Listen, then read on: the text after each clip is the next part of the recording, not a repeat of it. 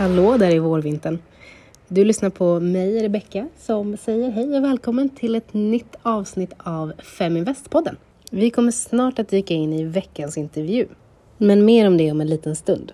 Nu tycker jag att vi hoppar rätt in i veckans ord, som egentligen inte är ett ord utan snarare ett paraplybegrepp som jag råkade nämna i förbifarten i förra veckans podd. Vi ska nämligen prata lite om cykliska bolag. Och cykliska bolag är alltså bolag som påverkas av hur den rådande konjunkturen ser ut. Ett kontracykliskt bolag däremot är mindre känsliga för upp och nedgångar i konjunkturen eftersom att de faktiskt erbjuder tjänster och varor som vi konsumenter ständigt behöver, även när plånboken väger lite lättare. Eh, exempel på kontracykliska bolag kan vara läkemedelsbolag eller eh, livsmedelsbolag. Eh, men åter till cykliska bolag. Så här är det. Cykliska bolag är ofta bolag med produkter eller tjänster vars efterfrågan varierar med konjunkturcyklerna. Vilket förstås innebär att både omsättning och resultat kan se väldigt olika ut från år till år. Så när du investerar i cykliska bolag kan det vara bra att ha det i bakhuvudet. De tre vanligaste kategorierna av cykliska aktier är säsongsbaserade företag, kapitalberoende företag och företag som är underleverantörer. Säsongsbaserade företag är inte så svårt att lista ut. Det är alltså företag vars vinst ökar under en viss tid på året. Typ som hotell, restaurang, skidorter, gym. Jag menar, det är ju sedan gammalt att man köper både en och annan självhjälpsbok efter nyår eller ett gymkort. Men det andra är i alla fall företag som är underleverantörer. Säg eh, råvaror, typ stål, trä, papper, olja, diesel. Ja, men du är med. Man skulle kunna säga att de är efterfrågeberoende. Alltså att de drivs av stora beställningar. Och så till sist har vi kapitalberoende företag. Alltså företag som är cykliska för att de gynnas av en låg ränta. Vad som menas med ett kapitalberoende företag är främst större företag vars affärsmodell antingen är direkt baserad på billig kapitalanskaffning eller som i stor mån är beroende av billig kapitalanskaffning. I båda fallen skapar dessa företag en slags tryckvåg som sätter fart på den övriga ekonomin genom att Ehm, sätta stora mängder kapital i omlopp. Men du, kom ihåg att det finns fler cykliska aktier att hålla koll på. Ett litet tips, om du vill ha lite mer ingående information om cykliska aktier skulle jag gå in på finanskursen.se. Där finns det till och med en liten video du kan kika på. Tack för idag hörni och glöm inte att följa Feminvest på eh, Facebook. Där har du en grupp som heter Kvinnor som vill prata investeringar. På Twitter under namnet Feminvest. Instagram Feminvest likaså. Och glöm inte LinkedIn. Vi har gjort det enkelt för oss så vi heter Feminvest där också. Vi ses där. Över till dig Mikaela.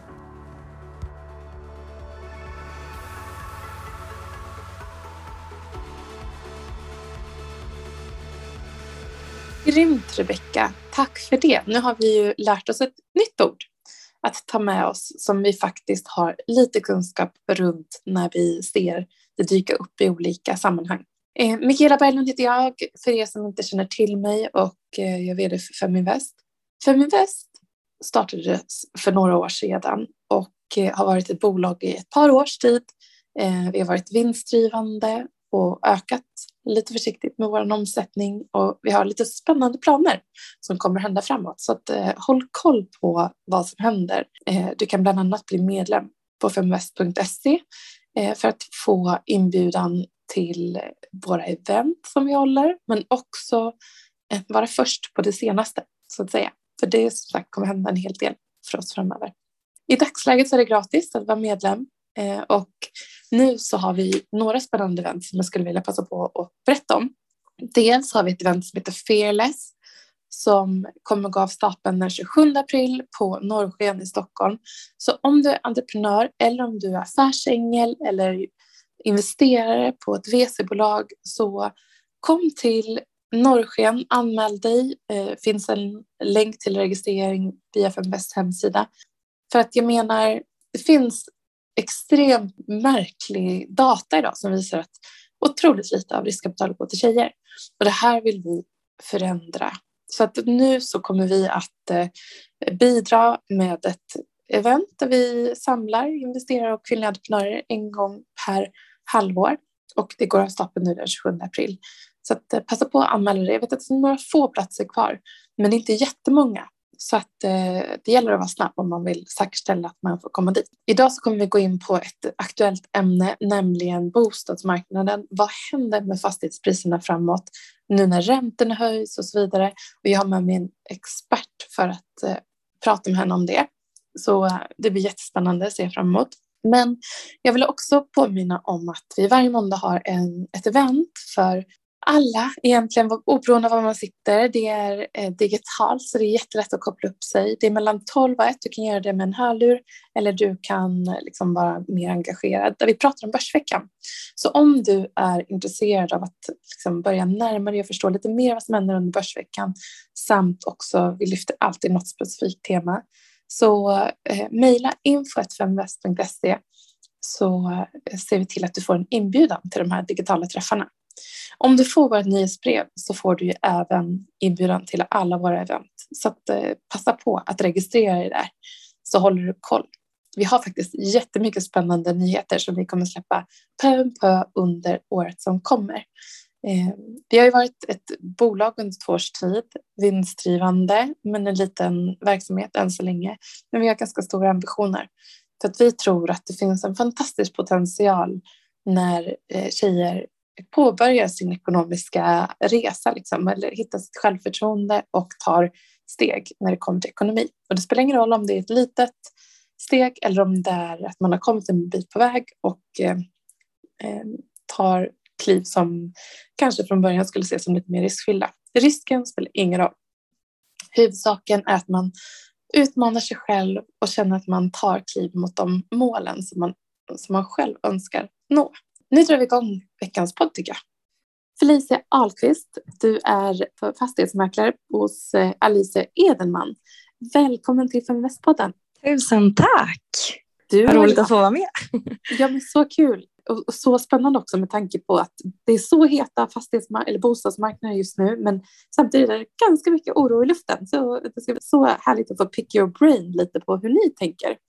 Ja, men verkligen. Det, det har vi märkt av också, att det, det finns lite frågetecken och så som ska försöka redas ut. Men jag ska göra mitt bästa för, för att guida här med det, det vi har märkt och det vi känner just nu. Då jag måste bara säga att du verkar ha en så spännande bakgrund. Jag vet att du har elitsatsat och tävlat i tennis under flera år och bott i New York. Mm.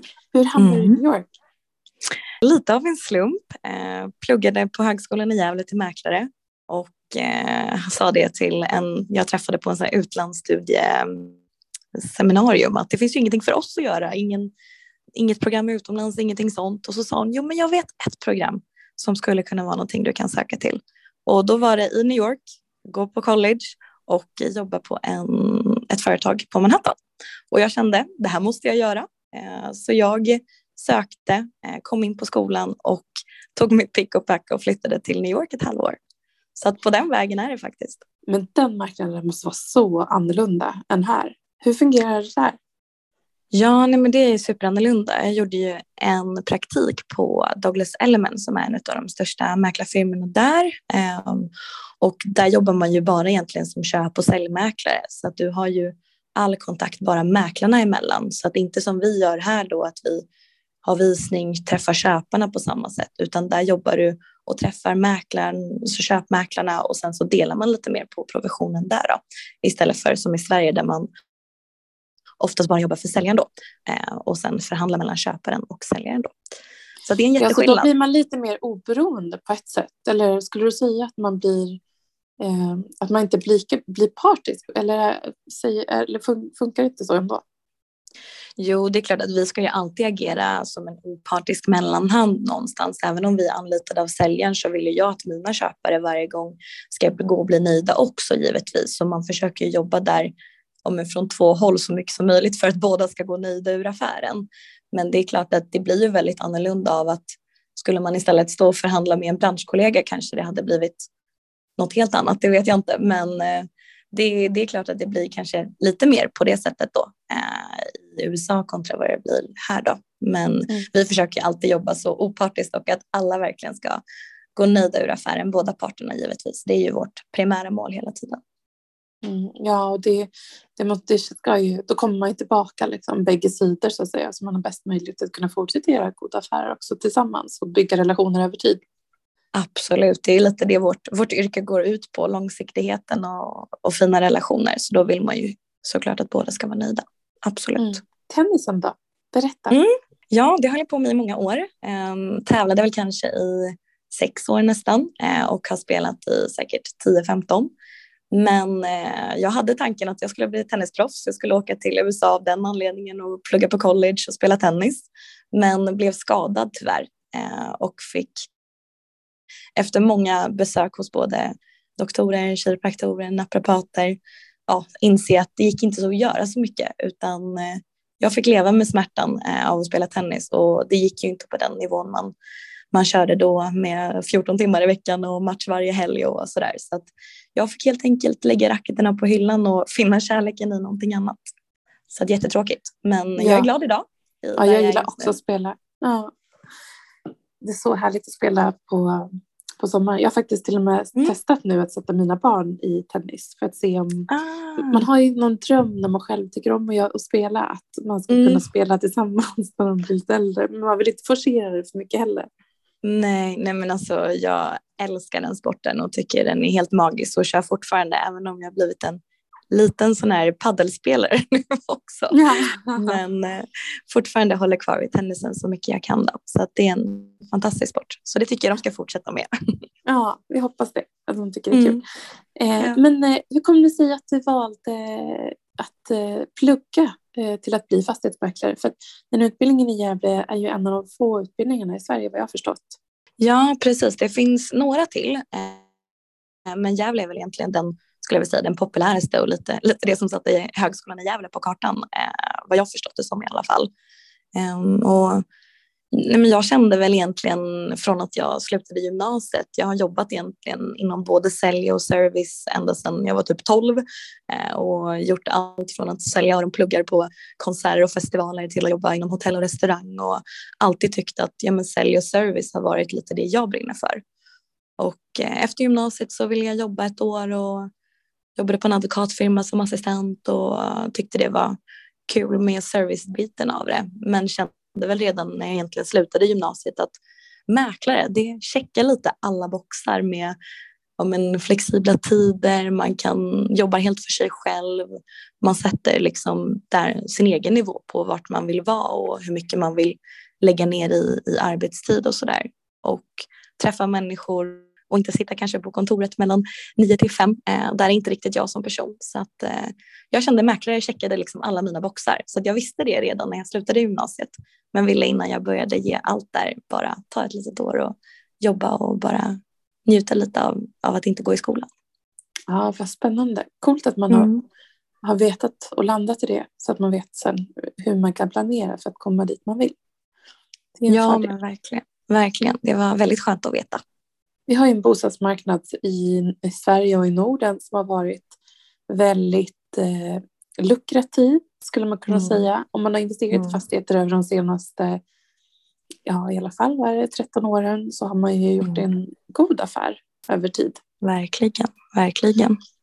Eh, hur har bostadsmarknaden utvecklats de senaste åren? Kan du bara berätta lite korta drag? Absolut. Eh, framförallt om man tittar egentligen bara sedan pandemin eh, och tittar så pass nära så har ju marknaden ökat väldigt, väldigt kraftigt. Eh, det har varit lite kanske variation mellan storlekarna på både lägenheter och sådär. Där vi har sett en mycket större ökning om man tittar på treor och fyror framför allt. Då. Tittar vi bara på ettorna, nu pratar jag lite mer Storstockholm, jag jobbar ju själv i, i innerstan eh, och tittar man lite på bara centrala Stockholm så har vi haft en prisökning med om 13,5 procent bara det här senaste året. Så det har varit en väldigt, väldigt kraftig ökning uh, och då framför allt på de större lägenheterna. Och jag kikade lite om man tittar bara runt om hela landet så har det ju varit men bara bostadsrätter har haft lite över 7% i ökning bara på senaste 12 månaderna och villorna har haft hela 11,5 procent. Oh, wow. Så generellt sett har det verkligen varit en otrolig ökning och det här är då bara de senaste 12 månaderna. Visst är det så också att eh, över tid de sista åren ändå, så har det, man har sett en inflytt till städerna och att bo, lägenheter har gått upp lite mer i pris egentligen innan pandemin Eh, men att fler har flyttat till hus under de senaste och pressat upp priserna på hus, eller? Ja, absolut. Jag skulle säga att de, alltså i slutändan har de stora vinnarna nästan, alltså tittar man bara senaste åren och året framför allt, så är ju de som har suttit i hus och radhus, för det är de som har haft den absolut största ökningen. Sen har ju lägenheterna också gått upp de större då. Eh, och det är väl egentligen för att vissa kanske inte riktigt har haft råd då med ökningen på hus och radhus och fått gå till större lägenheter istället. Då, så det har gjort att ökningen på dem också har blivit större. Just och sen så kanske man har haft en lägenhet som man har sålt av och som man inte kunnat man har inte haft så hög belåning då när man har gått in i nästa utan har kunnat mm. liksom skala i kvadratmeter mm. ganska mycket. Absolut, och gjort en fin vinst också under, under tiden eh, som man kan lägga in i nästa bostad. Så mm. absolut, mm. så är det verkligen. Men eh, eh, skulle du säga att, att trenden av att flytta utanför stan till villa och radhus, håller den i sig framåt också? Ja, men till viss del skulle jag ändå säga det. Eh, jag menar, vi ser ju fortfarande att alltså just pandemin blir ju den här stora, stora frågan som blev lite den här förändringen på bostadsmarknaden också i och med att det blev en sån otrolig digitalisering under pandemin så har väl vi sett att fler kan hellre tänka sig att pendla lite längre för att ändå få en tomt och röra sig lite utanför stan och få lite fler kvadrat för att man inte behöver ha, vara på kontoret måndag till fredag utan man kan sitta på hemmakontoret, få den här ytan hemma istället och pendla in då till exempel till Storstockholm eh, en eller två dagar i veckan. Så att vi tror väl ändå i och med digitaliseringen att det kommer fortsätta hålla sig lite så eh, och kanske att fler rör sig då utanför storstäderna också för att just få ytan eh, och sen mm. tänka sig att pendla. Absolut. Jag tänker att det blir dyrt dock om man har, eh, bor lite längre utanför stan och har bil för att bensin, ja. bränslepriserna drar iväg och elpriserna för den delen. Men jag, som du säger, om man inte behöver åka in så många dagar eller om det är mer så flexibel arbetsmiljö så att man kan jobba hemifrån, då, mm. då finns det ju fler fördelar med att bo i, i villa med en trädgård och sådär. Och sen så är det väl också på våren att vart folk blir fes, mer sugna på att på att bo i hus när man kan nyttja gräsmattan och sådär. Sen till hösten då är man inte lika. ja men lite så är det ju. Det blir ju en, en tendens av att man känner det här, oj vad skönt det vore med en tomt och bara kunna öppna upp och gå ut och ta kafferasten i, i solen på altanen. Så det tror jag definitivt i, i och med våren att fler och fler känner så också. Vad spekulerar ni i, i vad som kommer hända? Vi ser ju alla banker höjer räntorna lite försiktigt. Eh, mm. De är på väg upp och ja, Stefan Ingves har sagt att eh, det kommer lite höjningar framöver, kanske inte i de närmaste månaderna, men mm. ändå. Vad tror ni kommer hända? Ja, den här frågan som, som många vill ha svar på. Eh, och det är såklart, det är svårt för oss att säga exakt vad som kommer hända, men ser man liksom i tidigare fall när, när räntan har ökat så är det klart att priserna har ju tenderat att gå ner. Men vi har också haft ett ganska lågt utbud egentligen. Um, och det vi tror väl att kommer utbudet att hålla sig ungefär så pass stabilt eller på den nivån som den har varit just nu uh, och att det inte rusar och blir ett jätteutbud för att alla blir väldigt oroliga. Nej, men gör inte det, då tror väl vi ändå att det kommer hålla sig på en ganska stabil prisnivå och kanske snarare ligga kvar. Men det är klart, går räntan upp och utbudet ökar jättemycket, ja men då blir det ju givetvis en viss påverkan på priset när det blir ett mycket högre utbud då. Det är väldigt så det beror väl på lite vad som händer med utbudet. Ja. Mm. Ja, men jag tänker också så här, till exempel nu framför oss så har vi väl en liksom förväntan om ett lite större utbud. För det brukar väl oftast komma lite fler lägenheter. Nu, nu fokuserar jag på innerstan mm. eller på mm. liksom storstäder. Mm. Att det kommer mm. i början liksom april, maj. Och då mm. skulle det kunna vara så att man ser, men den mäkliga statistik kommer med sin data, att det mm. blir rubriker baserat på en månads utveckling. Att så här, nu går priserna ner och sen så kan det liksom fortsätta upp som du säger när när det blir färre lägenheter igen över semestermånaderna. Eller? Vad tror, vad jo, men precis. Mm. Ja, nej, men, alltså, det är väl många som säger ja, men vilka är de bästa säljmånaderna och där är det alltid ja, men januari är en bra månad, augusti är en bra månad, maj är en bra månad. Men det vi såg egentligen efter sommaren var ju att utbudet var inte som det alltid brukar vara. Det var ganska lågt och samma sak i januari. Folk tänkte efter årsskiftet, men då kommer det komma ut mycket. Men där såg vi också ett fortsatt lågt utbud. Så att det är svårt att säga om det kommer nu med räntan blir så att folk blir oroliga och slänger ut sina lägenheter och det blir ett högre utbud. Ja, men långsiktigt sett kommer det väl kanske gå ner lite i och med att det blir ett högre utbud och fler tänker oj, vi måste ut och sälja innan, innan räntorna går upp. Då påverkar det givetvis att priserna kommer, kommer kanske röra sig neråt. Men händer inte det utan att folk sitter lugnt i båten, inte blir superoroliga och slänger ut sina lägenheter, nej men då tror vi att det ändå kommer hålla sig på en relativt stabil, stabil nivå. Hur, hur ser man på inflationen då? Det har man ju också pratat om. Alltså till mm. exempel, jag följer ju börsen väldigt mycket och då ser man att eh, råvaror och liksom produktionskostnader och så vidare har gått upp väldigt mycket. Mm. Hur påverkar det bostäderna? Ja, så jag ska vill säga så här, om, man, om man bara låser själva liksom, frågan inflation och bostadspriser eh, så ser väl vi att många snarare drar ner det de lägger in på annat än sitt boende.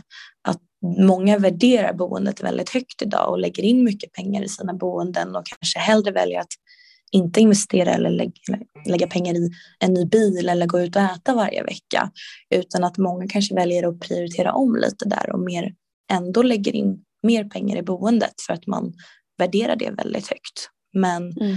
det är klart att är det en liksom varaktigt hög inflation och det leder till de här räntehöjningarna att de kommer betydligt snabbare än vi kanske har väntat oss, ja men då är det klart att det kan finnas en påverkan om att det kan sänka bostadspriserna framåt sett. Så att ja, det beror lite på men vi Man får följa med och ja, vara lite vaksam. Mm.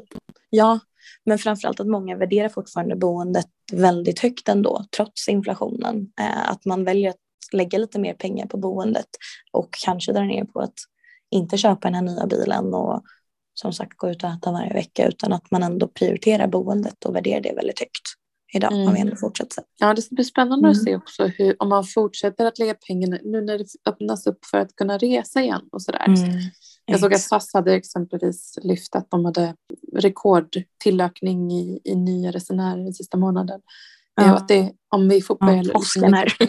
Ja, och passproblematiken. Ja. Att man inte får pass. Ja, det kanske gör att vi stannar hemma ett tag till. Ja, får hoppas på det och lägger in lite mer pengar här. Ja, eh, Men då vill jag passa på att ställa en till fråga till dig när man har dig på tråden och det är ju mm. vad ska man tänka på då om man vill köpa eller sälja nu? Vi kan börja med att köpa.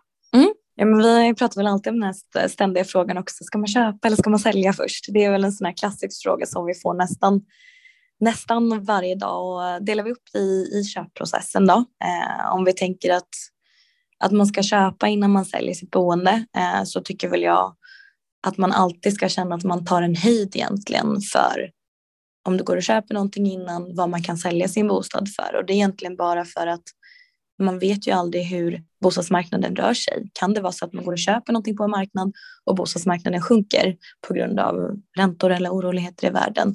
Så att jag skulle alltid säga att kommer man och köper först så ska man verkligen ta höjd för att det kan hända saker på bostadsmarknaden så att man ändå är medveten om det. Och vänder man på frågan i att sälja då? Ja, det är klart att säljer man först så vet man ju hur mycket pengar man har att röra sig med och det blir att man tryggar den ekonomiska situationen. Men där blir ju då frågan om utbudet håller sig så pass lågt så är det klart en större utmaning att hitta något nytt. Så det är ju lite i, i båda leden givetvis. Ehm, så min bästa rekommendation där är väl egentligen så som vi jobbar mycket på Alicia, där, där jag jobbar på Alicia Edelman. Så är det mycket att vi jobbar väldigt mycket kommande bostäder idag. Um, och för de som inte känner till vad kommande bostäder är så är det egentligen att man fotar upp och gör klart sin annons om man sitter på en, en bostad idag och sen har man den som ett så kallat kommande objekt. Eh, och det som man gör då är att man inte går ut skarpt till salu och säljer den utan man istället kan få indikationer om vad säger marknaden att min bostad borde vara värd eh, och kan kanske lite mer i det. Eller om man väljer då att hitta någonting och vill vara snabb på bollen och komma ut i samma marknad, ja då kan man bara en knapptryckning bort gå ut med sitt eget objekt. Så att jag skulle säga det, man, det jag inte rekommenderar är väl att köpa först och inte ta höjd för det man köper och sen inte ha förberett sin bostad med mäklare. Det är väl det jag inte rekommenderar utan snarare försöka att jobba så mycket i förberedande syfte som möjligt. Att, jag brukar säga det ibland, är man ett år bort, men man har ingenting att förlora på att känna av marknaden eller börja testa eller ha en kommande annons. För det är ju bara egentligen vinning för för dig som säljare och att det kan bli väldigt smidigt och minimera risken i båda leden. Ja, det var ett det bra tips min, faktiskt. Min bästa rekommendation. Hur, när behöver man styling och sådär och när behöver man inte tänka på det skulle du säga? Ja, alltså jag skulle säga att styling är väl absolut en av mina största rekommendationer. De är ju fantastiskt duktiga på att optimera ytor och jag kan säga det varje gång jag har sålt min egen bostad så har jag alltid tagit in styling även om jag tycker att jag har en fin stil um, och smak så är det ändå att det är inte jag som ska köpa min egen bostad igen utan man vill ju att någon annan ska se alla möjligheter och allt med en ny bostad. Så att där tycker jag ändå att det kan göra väldigt mycket till att minimera det personliga och mer få någon annan att kliva in i lägenheten eller huset och se med sina ögon. Ja, men här kan jag bo, här kan jag ha det här. Inte att de ska känna här bor någon annan. Så att där tycker jag väl att styling gör väl den positiva saken eh, med att få fler köpare till att kunna visualisera, visualisera sig själva och bo där. Skulle man kunna säga också att man typ ska sälja ett hus när det ja, vår, framåt vårkanten eller liksom när man ser potentialen med trädgården och sådär. Går det bättre för ett hus då än på vinterhalvåret? Ja, alltså det är klart att man kan få en helt annan bild av hur trevlig trädgården ser ut och när allt blommar och grönskar. Eh, men sen är det ju såklart att det blir ett högre utbud oftast då för att alla tänker ju att ja, då kan jag sälja mitt hus nu när trädgården är som finast. Eh, så då kommer ju kanske fler att tänka samma sak och att det blir ett högre utbud av den anledningen. Så där får man väl känna av lite om det är ett väldigt lågt utbud under vinterhalvåret. Ja, men då kanske man ska fånga det och kunna utnyttja att det är ett lågt utbud. Men min rekommendation där är väl egentligen att börjar man fundera på att ja, men vi kanske ska flytta inom något år, att kanske fota upp när huset, alltså utvändigt då, när trädgården ser magisk ut så att man i alla fall har bilder på det. För det ger ju också en känsla eh, av att kunna presentera ja, men fina sommarbilder på trädgården. För då kan ju folk verkligen visualisera sig hur det ser ut även sommartid om man då skulle behöva sälja under ett vinterhalvår till exempel. Så det är mm. väl en bra rekommendation jag har att göra klart en sån sak eh, under sommaren när man ändå liksom har lite tankar på att röra på sig. Men absolut, det är klart att man upplever trädgården ännu härligare eh, när det blir vår och sommar givetvis. Men egentligen, du säger ju så här, planera i god tid och stressa inte en försäljning. Fota i tid, liksom, så du får med alla nyanser av vad värdet mm. av din bostad har, om, om det är olika årstider och sådär. Och mm. likadan, lägg upp på kommande, bara för att känna av och få förståelse för efterfrågan. Exakt. Det är mina bästa rekommendationer. Så, så har jag bra. gjort varje gång. Och, och så det. bra råd. Det tycker jag var, ja. det var toppenbra. Ja, men vad roligt att höra. Du, tack så jättemycket för att du var med i Feministpodden den här veckan. Eh, och vi är tillbaka nästa torsdag igen och lyfter ett nytt tema. Då kommer ni få möta en kvinnlig entreprenör. Vi eh, lyfter ju både kvinnliga entreprenörer och eh, liksom börsen och investerare och så vidare. Varje vecka så får man någon ny boost när det kommer till vilka möjligheter man har att liksom utmana sig när det kommer till ekonomi. Och du bidrar jättemycket idag tycker jag. Tusen tack, vad roligt att höra. Ta hand om dig så hörs vi igen. Tack snälla, detsamma.